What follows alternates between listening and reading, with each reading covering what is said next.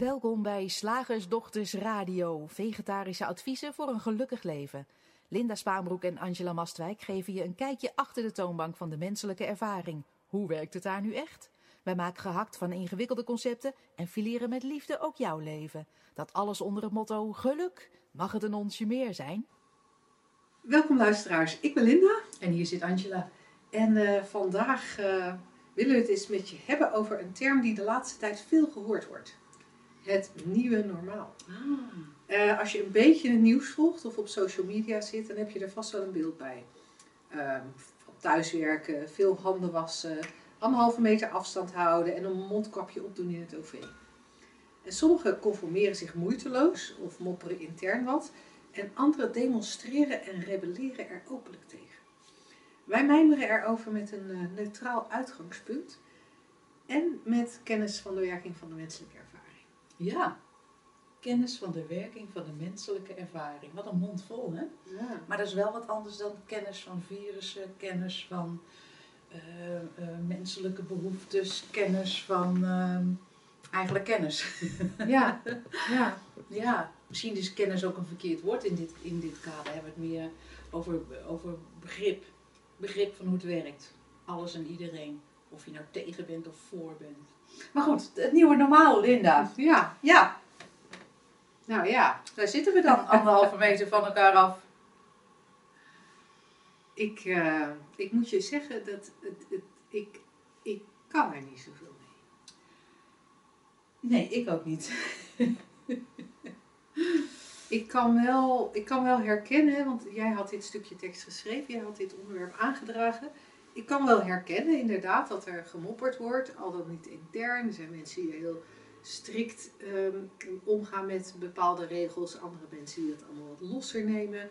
Eh, er zijn mensen die nou ja, er eigenlijk nauwelijks mee bezig zijn. En er zijn mensen die heel erg bezig zijn met dat nieuwe normaal en hebben daar dan ook echt een beeld bij. En eh, ik, ik ging laatst een frietje halen ergens en eh, daar maakte ik zo'n opmerking tegen de eigenaar van de snackbar van. eh, en eh, eh, loopt het een beetje nu zo met je, met je afhaalpunt? Want hij had een afhaalpunt gemaakt, zodat je niet zijn frietent in hoefde. En ja, ja, ja, maar ja, nou ja. Ja, het is het nieuwe normaal, hè. Maar nou ja, het wordt dus nooit meer normaal. En en, en toen dacht ik ook echt van, oh, ja, er, er zijn dus mensen die er veel over nadenken. Want nadat hij deze opmerking had gemaakt dat het dus nooit meer wordt zoals het voorheen was, ehm, kwam, had, had hij best, best wel een somber beeld van, eh, van de toekomst. Ja. En ik moet je eerlijk zeggen, ik haak al een beetje af bij normaal. ja, dat had ik ook. Gewoon het woord alleen al.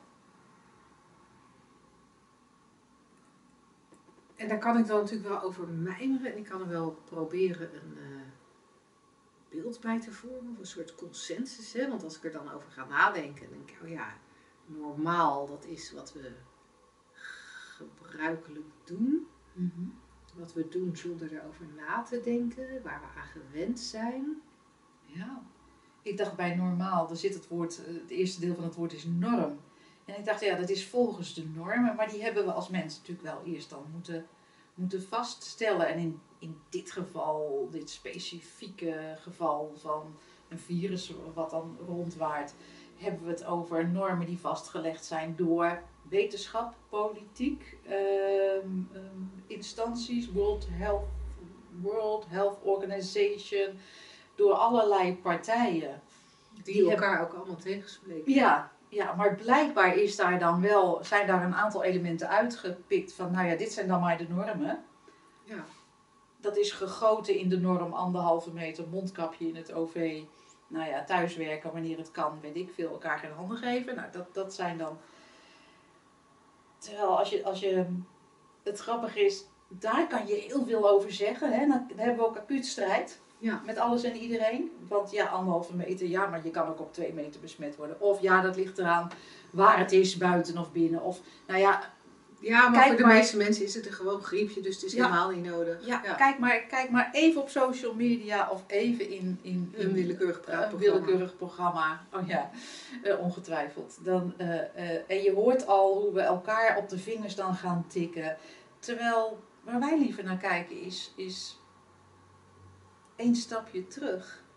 Van eh, waar bestaat eigenlijk een norm uit? Ja, Ja. kom je eigenlijk in mijn ogen niet verder dan, hey, een norm is een geloofde gedachte. Ja. Neem niet weg dat sommige dingen handig zijn om af te spreken. Ik kan me herinneren dat ooit een van de Scandinavische landen, ik meen dat het Zweden was, is overgestapt van links rijden naar rechts rijden. Ja, Weet jij Zweden, daar iets ja, van? Zweden, daar reden ze altijd links in onze jeugd. Ja, En die zijn geswitcht. Ja. voor de jongere luisteraars. Ja, nee, echt. ooit zijn ze geswitcht.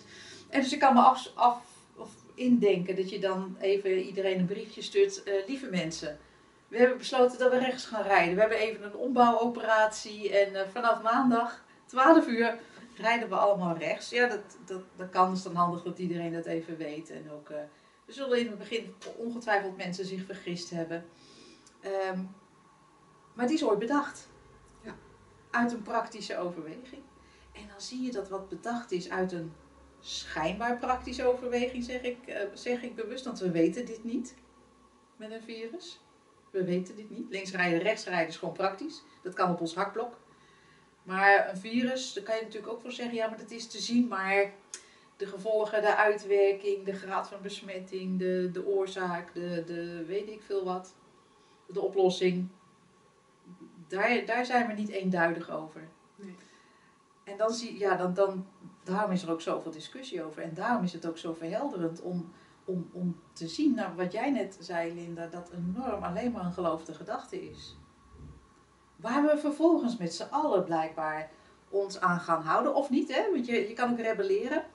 Ja, maar dan, Ja. Krijg je, dan krijg je heel veel discussie. Het- Ja. wat ik interessant vind om te zien, is dat we hier zijn we een soort van bewust dat we er aan meedoen of we doen er niet aan mee, Ja. lijkt het. Mhm. En hoe vaak is het niet dat we een gedachte geloven waarmee we een norm creëren, Ja. die wij dan ook als het nieuwe normaal aannemen. Alleen dat woord, is natuurlijk, dat, dat woord was tot voor kort helemaal niet populair. Nee. Nou, Maar, maar ja, normaal wel, maar het nieuwe normaal had jij nee, nee, nee, zeker niet. Nee. Nee, en, en, eh, en dat kan je bij alles. eh, eh, dat kun je bij van alles en nog wat zien. Hè? Ehm, ik, ik, eh, als ik naar mezelf kijk, dan ben ik er ooit achter gekomen dat eh, mijn ouders weliswaar allebei van een ander geslacht waren, maar dat het blijkbaar ook mogelijk was dat je op iemand verliefd werd van hetzelfde geslacht. Ja. Op dat moment kwam bij mij de gedachte, blijkbaar op, hè, ik ben me er niet bewust van, maar blijkbaar is er een gedachte opgekomen. Oh, oké. En, en geloofde ik de gedachte, oh, oké. Oh, En eh, dat is dus, dat kan dus. En, dat, en, en ik geloofde de gedachte dat dat normaal was en oké was. Dus op het moment dat ik, eh, eh, naarmate ik ouder werd, vaker mensen tegenkwam die in, in een, zoals ze dat zo mooi noemen, same-sex relatie waren, een, een lesbisch of een homo-koppel, dan, dan waren er bij mij, er waren geen gedachten. Er waren geen gedachten ook van rebelleren, er waren geen gedachten, ik ben het ermee eens. Er was gewoon niks. Er was gewoon een groot blanco, ja. want het voldeed aan mijn norm ja. zou je in feite kunnen zeggen. Voor mij was het normaal. Maar ook dit is een onderwerp wat, wat voor eh, blijkbaar waar, waar mensen ook andere gedachten over kunnen hebben en dus een andere norm Ja. in hun hoofd hebben. En dan is het voor hen niet normaal. Ja. En dan wordt er gerebelleerd of wat dan ook. En, en ik denk dat, dat we dat bij alles hebben. Ehm, kijk maar even naar de kleding die je draagt. Ik weet niet of, of jij dat ook hebt, maar soms, soms verandert de mode ineens enigszins drastisch in mijn ogen. Eh, ik had dat bijvoorbeeld op een gegeven moment in, in de jaren tachtig, toen wij, eh, toen wij eh, puber, ja, jong volwassen waren, had je broeken, eh, spijkerbroeken, die tot je middel eh, kwamen. Echt Ja. tot, tot je taille kwamen. Ja. En dat was eh, normaal, daar, daar, dat, dat, dat was die periode daarvoor volgens mij ook. Dus dat was normaal. Ja.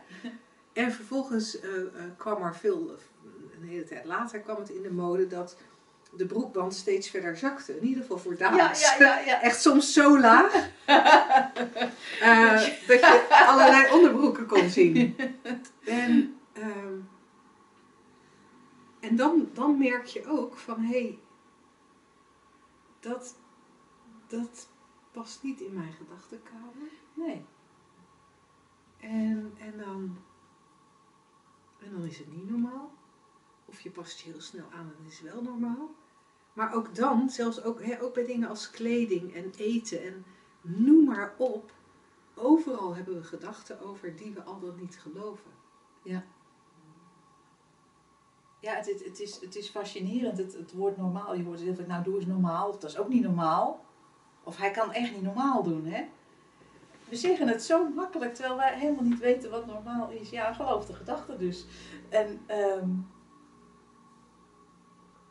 ik, Ja, ja? sorry, nee, ga verder. Ik, ik moest ook terugdenken aan ehm, mijn, vroegere buurmeisje. Die had een oom en die woonde bij hun in huis. En eh, die paste wel eens op ons als, wij, als haar moeder even weg moest. En, eh, ehm, en dat, ja, dat was gewoon haar oom. Punt. En ik hoorde pas toen ik al ver volwassen was, namelijk een paar jaar geleden. Oh ja, maar eh, deze oom die, die had wat wij nu zouden noemen, ik weet niet, eh, autistische trekken. Of, of misschien was hij zelfs geestelijk, ehm, noem je dat tegenwoordig? ik weet Gehandicapt, niet. ik weet niet hoe je het moet noemen. En, en dat hoorde ik pas een paar jaar geleden. Toen dacht ik, oh, oh, nou dat wist ik niet. Weet je, dat, er was nog geen norm van, van hoe je je moest eh, gedragen of hoe je wist niet wat er, hoe dat eruit moest zien. Dan, en dan is ook alles gewoon zoals het zich aandient oké. Want je hebt toch niet die gedachte wat normaal is. D- Dus die kan je ook nog niet geloven. En dan kan je achteraf pas zien. Oh, dus dat was zogenaamd. Hè, laten we het even tussen aanhalings, vette, dikke aanhalingstekens zetten. Oh, dus, dus hij was afwijkend van de norm. Oh, oh, dat wist ik niet. En dat is eigenlijk hetzelfde als dat jij homoseksualiteit zag. Van, oh, oh. En vervolgens niet het idee krijgt van, oh, daar moet ik tegen zijn. Of daar moet ik voor zijn. Of ik moet eraan meedoen. Ik heb dat met dat nieuwe normaal ook. Ehm, ik denk, ja, je doet mee of niet. Wat, wat, natuurlijk hebben we nu, zijn er boetes voor ingesteld als je, als je niet gedraagt zoals het hoort. Dat is dan weer een, eh, dat is dan weer een interessant gegeven. Maar goed, ook daar geldt Ja. weer voor ehm, dat je natuurlijk in het, in het moment een natuurlijke respons kan volgen op wat er van je gevraagd wordt of wat je opgedragen wordt. Een ja of een nee. Een meebewegen of een, of een wegbewegen. Nou ja, toch kom je daar wel op iets interessants, vind ik. Waar dit mijmeren over normaal en normen, denk ik wel ook een beetje interessante wending neemt. Als je kijkt in de geschiedenis, ehm, kwam er op een gegeven moment wetgeving over dat ehm, Joodse mensen geen bedrijven mochten hebben. Ja. En dat Joodse mensen niet aan een universiteit mochten werken. Ja. En er is ook een tijd geweest dat er wetgeving was dat vrouwen als ze trouwden eh, moesten, eh, ontslag moesten krijgen.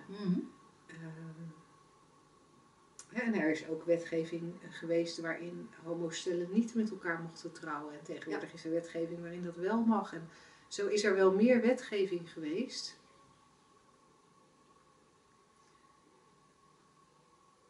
Die op de een of andere manier niet geaccepteerd is. Mhm. En dat, en dat vind ik, als het er nu zo over zit te mijmeren, vind ik dat dan wel interessant. Ja. Want als we zeggen, ja, het is maar, het is gewoon een gedachte. Mhm. Dan zou je ook kunnen denken, oké, dus het is maar een gedachte, dus ik hoef er niks mee. Ik, weet niet, er zit, er zit, iets, er zit voor mij iets in van, Ja. Maar jij moet ook mijn gedachten geloven, want anders ga ik jou bestraffen. ja, en dat, dat, dat, ja, dat, dat. En ik, vind het, ik, vind het, ik ben daar blij om dat, eh, dat, een- dat die wetgeving over eh, bijvoorbeeld dat als vrouw trouwen, dat zo'n stop moet werken, dat Ja. afgeschaft is. Ja, ja. Ehm, dus ik ben er wel blij om dat er mensen geweest zijn in het verleden die niet meegingen in de Ja. heersende gedachten. Precies. En, en daar, zit ook daar zit iets heel moois in, dat je de helder blijft zien van hé, maar een norm is maar een geloofde gedachte. Ik hoef niet jou, de- niet dezelfde gedachte te geloven als jij. En ik heb ook de vrijheid om er dus niet aan mee te werken, maar inderdaad ook de vrijheid om eh, er, praktisch iets tegen te doen. En ik zeg met nadruk praktisch, want ik vind het, het, het ge, erover niet zo praktisch. Dus ik zag bijvoorbeeld, ehm, ehm, kijk, de, de dingen die nu opgelegd worden, de boetes, ja, het zijn, volgens de verordeningen kan dat, maar het is eigenlijk ongrondwettelijk. En ik dacht ook wat er in mij opkwam van, oh ja, god, als je een boete kan, kan je dus ook gewoon eh, eh, een rechtszaak aanspannen of weigeren te betalen. En ik had ook zoiets van, oh ja, dat zou ik ook, ik, zou, ik ga hier niet in mee. Maar zonder dat ik vind dat het niet mag of anders moet of dat iedereen mijn zienswijze moet volgen. Maar voor mezelf had ik wel, en dat is natuurlijk heel persoonlijk besloten, oh nee, dit, dit, dit doe ik niet. Ik werk niet mee aan een jodenster. Of ik werk niet mee aan een... eh, want ook die wet, laten we dat even helder hebben, met de zogenaamd beste bedoelingen ingesteld. Hè? Maar dat was Ja. volgens de geloofde gedachte van die tijd. Van een deel van de Van mensen. een deel van de mensen. En dat is nu natuurlijk ook er. Wat de regels die er nu zijn eh, in verband met het coronavirus, zijn ook de geloofde gedachten van een, Ja. van een deel van de mensen. Ja, het, in, in dat kader, als ik er nog, het wordt mijn stokpaardje hoor, maar mag ik er nog heel even Ja, nee, Want ik vond het echt hilarisch. Ik was vanmorgen dus op het station en er stonden boa's Ja. te controleren of we wel afstand eh, hielden. En ik eh, kwam buiten het station en ik zag allemaal mensen eh, staan roken daar. En ik dacht, dat is toch ook interessant. hè? Als wij nu een overheid hebben die zo met ons begaan is dat ze ons willen beschermen ergens tegen. En daar zelfs de wetgeving... Beschermen tegen de dood in feite. beschermen tegen de dood en, te- en, en, en onze gezondheid willen waarborgen.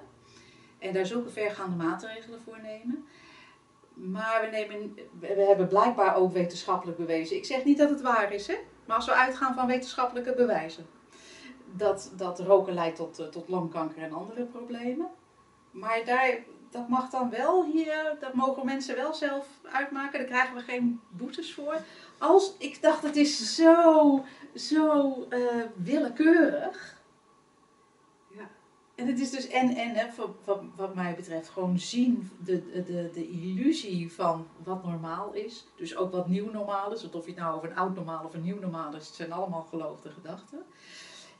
De maatregelen die gebaseerd daarop genomen worden. De zogenaamde verklaring daarvoor, die zich op andere vlakken heel makkelijk laat eh, eh, Weerleggen. weerleggen. En dan denk ik, interessant mensen. Ja. Ja.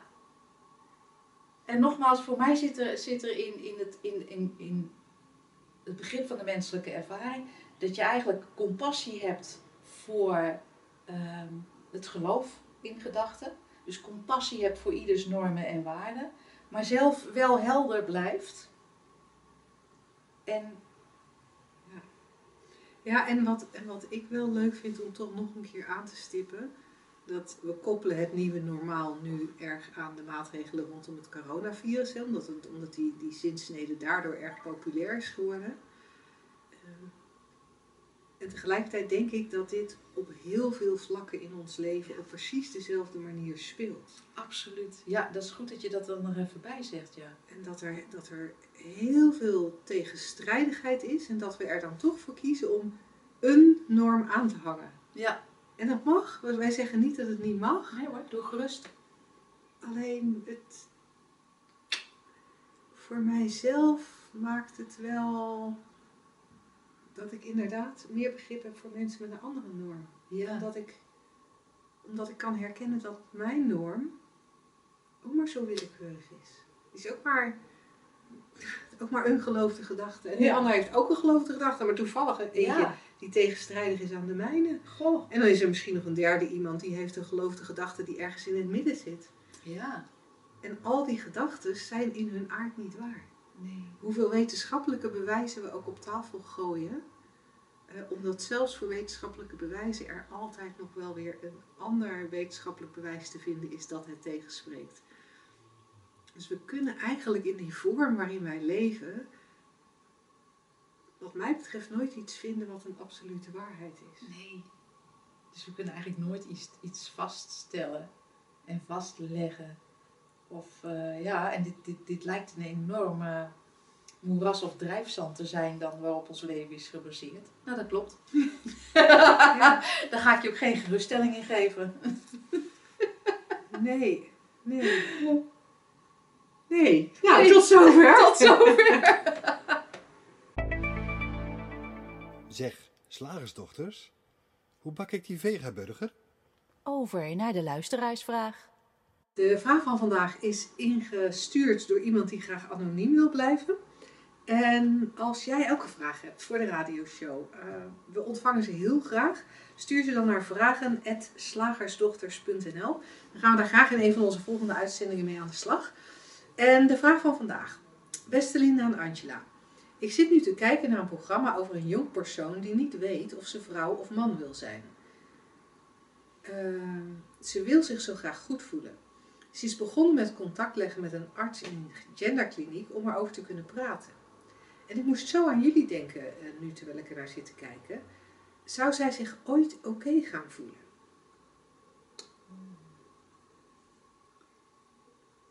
Eh, Wat, wat, wat, ik, wat gelijk opkomt bij mij bij deze vraag, is het feit dat ehm, nu gaat het om gender hè, het, als het ware twijfel tussen, ja, ben ik een man of een vrouw? Of misschien geen twijfel, misschien wel een soort weten van, ik Ja. zit in een vrouwenlijf, maar ik wil een man zijn. En het niet goed voelen wordt daaraan wordt gekoppeld aan, aan dat aspect.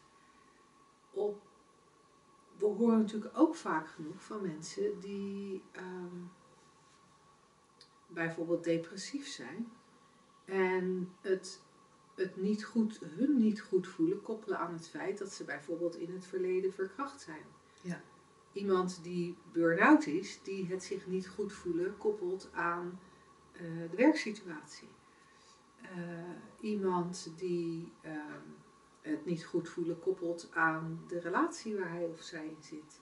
Iemand die het niet goed voelen koppelt aan het huis waarin ze wonen. Eh, in mijn huis hangt niet een goede energie. Iemand die het niet goed voelen koppelt aan de leeftijd. Het verval van het lijf of de leeftijd. Ja, ik voel me niet goed, want ik ben gevangen in een lijf van een 12-jarige, maar geestelijk ben ik 16. Ja, ja, ik ben heel wat hoogbegaafden tegengekomen die het dan weliswaar niet in die woorden zeiden. Maar waarvan wel gezegd wordt, ja, dit kind zit niet lekker in zijn vel. Want hij is 12, maar hij functioneert als een 16-jarige. En dat, dat spoort niet met elkaar. Het is niet Dat, normaal. dat gaat niet goed. Ja. Nee, maar dat gaat niet goed met leeftijdsgenoten en zo. Dus we kunnen eigenlijk het niet goed voelen aan willekeurig wat ophangen. Ja. En dan denken we dat als we dan dat waar we het aan gekoppeld hebben, als we dat dan oplossen, nou, dan gaan we Ja. ons weer goed voelen. En dan gaan we ook hard werken. Ja. En, en daar zit zo'n groot misverstand in, want dat is een eindeloze en heilloze weg. Want er is ja, in het mensenleven, dat, dat, dat, die ervaringen, dat, dat is zo rijk. Er kan van alles in opkomen in zo'n mensenleven, mensenlijf, mensenbestaan.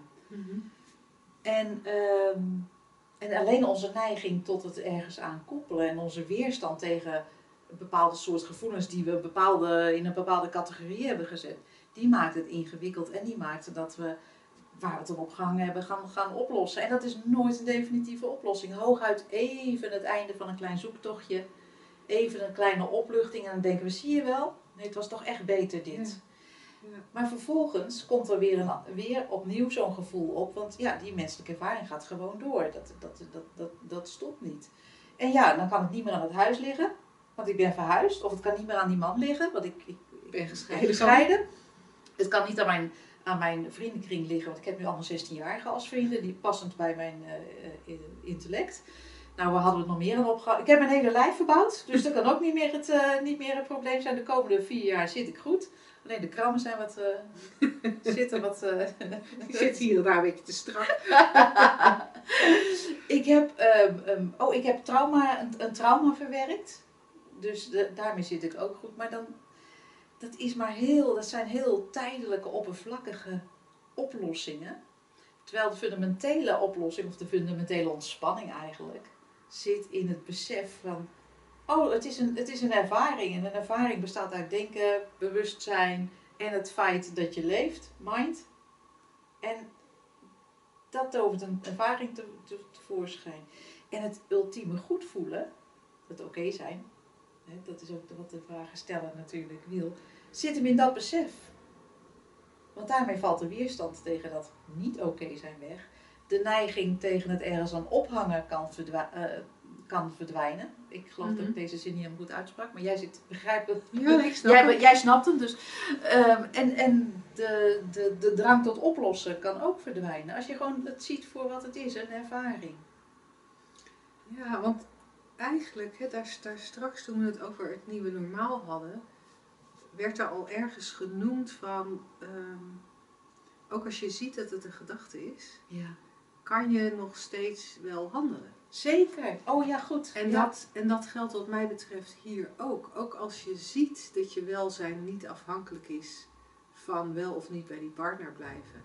Als je ziet dat je welzijn niet afhankelijk is, of het oké voelen niet afhankelijk is van wel of niet in een mannenlijf eh, zitten, dan nog kan je besluiten dat je in een, liever een mannenlijf wil. Ja. Zoals je ook kan herkennen dat het eigenlijk niet uitmaakt of je broccoli eet of bloemkool. En toch besluiten om voor de broccoli te gaan in plaats van de bloemkool. Alleen daarbij maken we er geen ding van. Nee. Maar bij heel veel andere dingen eh, maken we er wel een ding van. Terwijl het in feite eenzelfde, eenzelfde soort besluit is. En, en als wij zeggen het oké zijn of het welzijn, dan hebben we het niet over de vluchtige ervaringen die er zijn. Want we hebben allemaal wel eens de ervaring van verdrietig zijn, of de ervaring van bang zijn, of de ervaring van. Ja? Het verschil is alleen, heb je een ervaring van en ga je om je heen kijken en denk je, ah, maar dat komt door die man, of ah, dat komt door dat lijf, of ah, dat komt door, nou ja, mijn opleiding, mijn, mijn buren, mijn collega's, whatever. Of weet je, er is een ah, oh, ja, denk in bewustzijn. Oh, Ja. dat is het. Dat is, dat Ja. is wat ik voel nu. En ik ga me laten opereren. Dat kan, hè? Vanuit gewoon... Of gewoon weten, het is denken in bewustzijn. Ja. Elk, elk gevoel, of het nou een positief of een negatief gevoel is.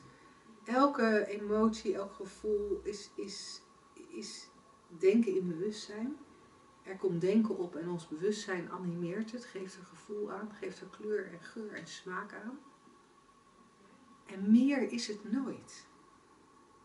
En er verandert iets naarmate je dat op een dieper niveau gaat zien.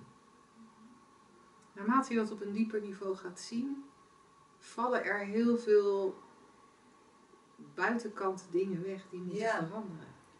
Knutseldrang. Knutseldrang is een mooi woord. Dan valt er een hoop knutseldrang weg. Ja. Op allerlei fronten. Want hoe vaak proberen we niet te knutselen aan onze kinderen, te knutselen aan onze partner, te Oh. knutselen aan ons werk, aan onze baas, aan Oh. onze... Het is echt een eindeloze, heilloze weg. Ik vind het zo'n mooie term dat ik hem er nog maar een keertje in gooi. Ja.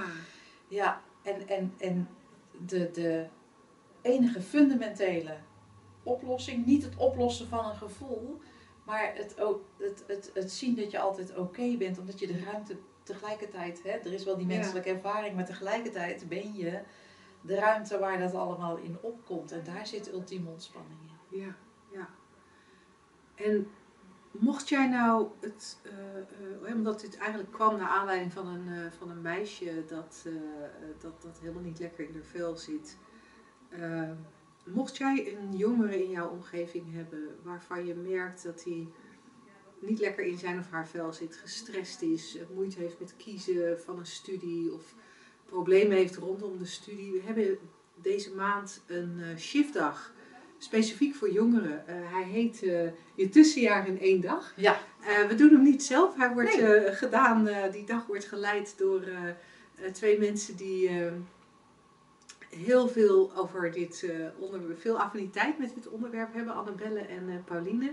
Ze hebben beide de opleiding bij ons gedaan. Pauline schrijft ook blogs op onze website.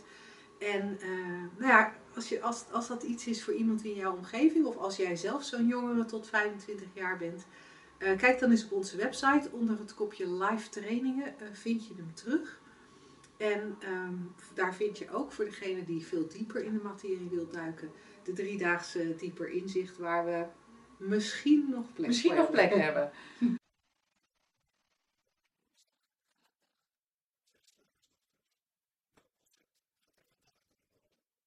Het concept van vandaag is door Patricia opgestuurd en die zegt, en, en, en ze stuurde hem naar vragen.slagersdochters.nl.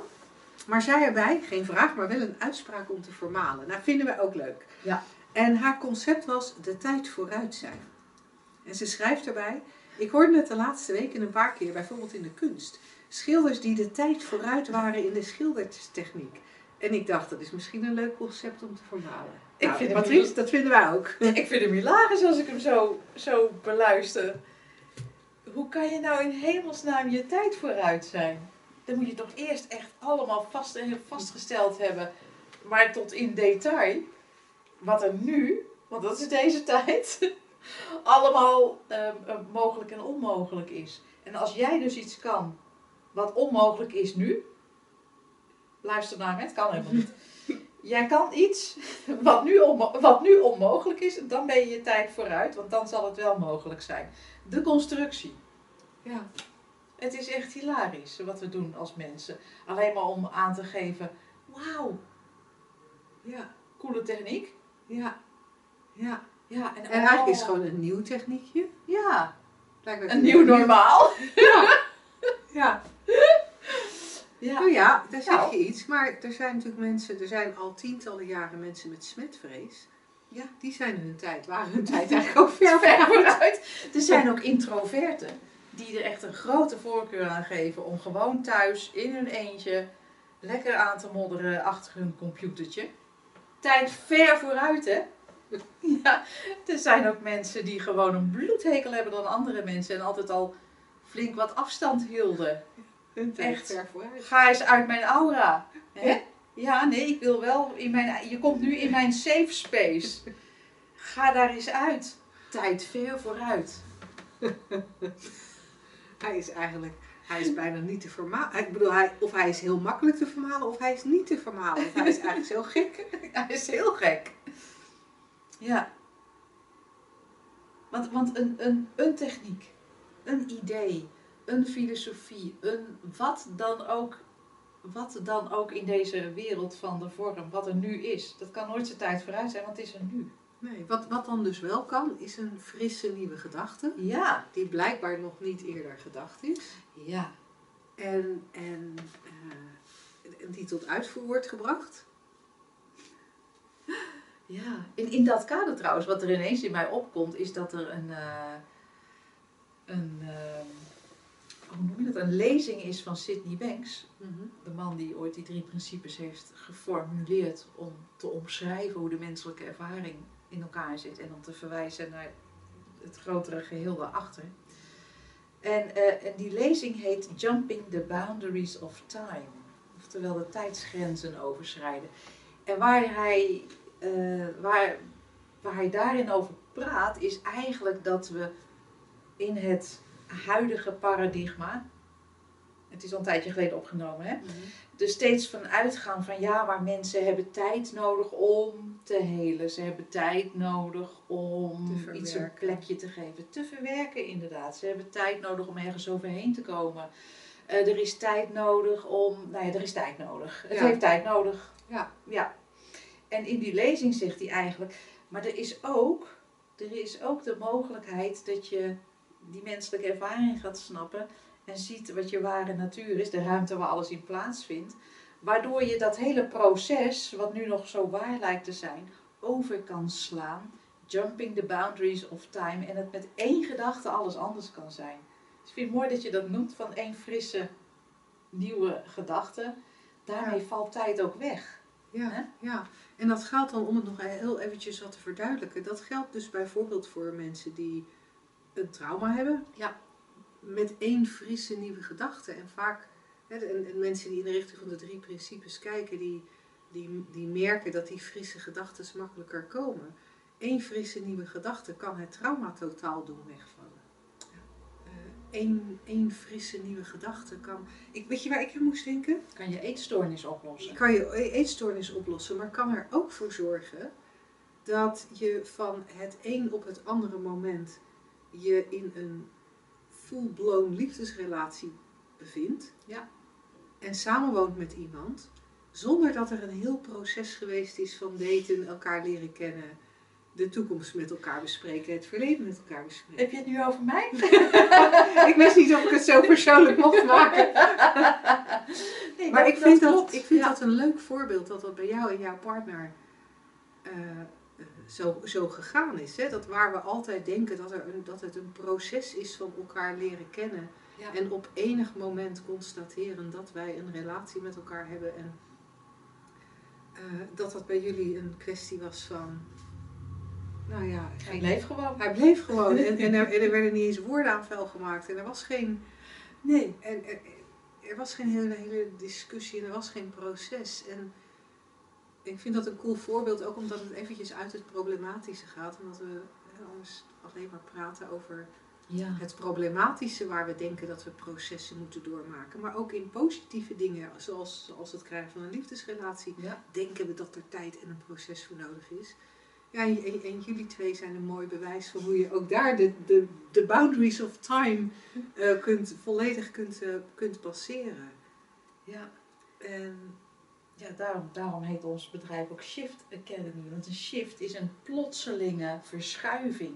Ja. En dat is niet een heel, heel proces. Soms ziet het er zo wel uit, hè, met allemaal kleine.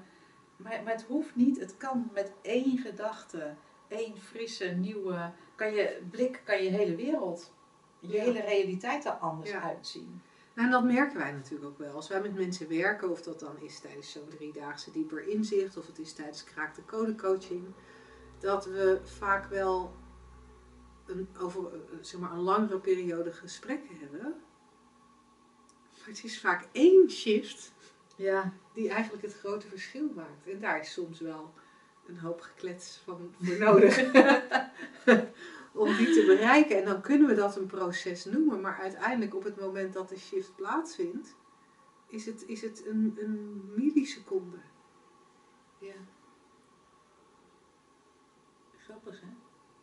Dus ja, als we het hebben over je tijd ver vooruit. Tijd is eigenlijk, Einstein zei dat toch ook, tijd is relatief. Het is Ja. de vraag of tijd bestaat. Er zijn wetenschappelijke bewijzen dat, dat tijd helemaal niet bestaat. Nee. In dat kader vind ik dat ook zo, dit ook zo, zo grappig. Dat je, hè, of dat we kunnen zeggen, nou, maar die loopt echt achter. Want dat is natuurlijk het omgekeerde van, eh, hij is een tijd ver vooruit. Nou, die, loopt, eh, die, die leeft hier, die leeft nog in de middeleeuwen. Ja. En we hebben het echt altijd alleen maar over wat er gedacht en geloofd wordt, hè? Ja, zowel van degene die, waar we over oordelen, Ja. die, die loopt achter of die is een tijd vooruit. Die heeft blijkbaar gedachten. En die, die achterloper heeft blijkbaar gedachten of heeft denken waardoor er geacteerd wordt, gedrag is, wat door anderen beoordeeld wordt als middeleeuws. Degene die ver vooruit loopt, die heeft gedachten, heeft denken, waardoor er gedrag vertoond wordt wat door de beoordelaar gezien wordt als een tijd ver vooruit. En al die tijd is het, is het ook bij de beoordelaar een gedachte. Ja. Want ik moet wel eerst zelf een gedachte hebben die ik serieus neem over wat ik daar zie aan gedrag. Ja. Voordat ik er überhaupt een label aan kan plakken. ja. Het is eigenlijk Oh, één grote echt één- gedachtebrei. Het is één grote gedachteconstructie, inderdaad. Of een, eigenlijk, zoals jij nu schetst, meer zo'n soort web waarvan je niet weet eh, wie wat weeft en, en wat eerst kwam en wat daarna kwam. Het is Ja, echt ja. een enorme... Of zo'n spiegelhuis, waar je Ja. eigenlijk welke kant je ook opkijkt, je ziet een soort van jezelf en een ander, maar waar dan en hoe dan. En Ja. ja, dat is ook een heel, heel cool beeld. En misschien komt het omdat we als mensen ook dol zijn op verhalen. Hè? Van, oh, en, en graag mensen af, af, afbreken of juist op een voetstuk zetten. Waarom dat is, weet ik dan ook niet. Blijkbaar houden we daarvan. Ja. En, eh, en we hebben gewoon niet in de gaten in, in, in dat dat is wat er gebeurt. Is eigenlijk helemaal is niet normaal, joh. Nee, Angela, het is juist heel normaal. Nou, zo hebben we hem weer rondgebreid. Ja. Hey, mocht je zin hebben om, ehm naar aanleiding van eh, deze uitzending of eerdere uitzendingen die je van ons gehoord hebt, is wat eh, meer van ons te horen of van ons te zien, ga dan naar onze website www.shiftacademy.nl of naar slagersdochters.nl. Daar kun je het gratis e-book 3 principes voor geluk aanvragen. En met het aanvragen van dat boek krijg je ook elke maandagochtend van ons Shift Magazine. Met daarin een eh, leuk blogartikel, een, eh, een frisse nieuwe video en ook altijd een linkje naar, eh, naar deze podcast. Ehm, ja, want we hebben eigenlijk heel veel meer gratis materiaal. Oh, en eh, dat delen we heel erg graag met je. En eh, eh, mocht jij dat allemaal al kennen, voel je vrij om het ook met anderen te delen. Hè? Want wat ons betreft, hoe meer mensen met ons meekijken deze richting in, hoe makkelijker het allemaal wordt. Hoe meer vrijheid. Hoe meer vrijheid voor, voor des te meer mensen. Dus het zou tof zijn als, als je dat e-book zou aanvragen. En nou, voor nu tot de volgende keer. Tot dan.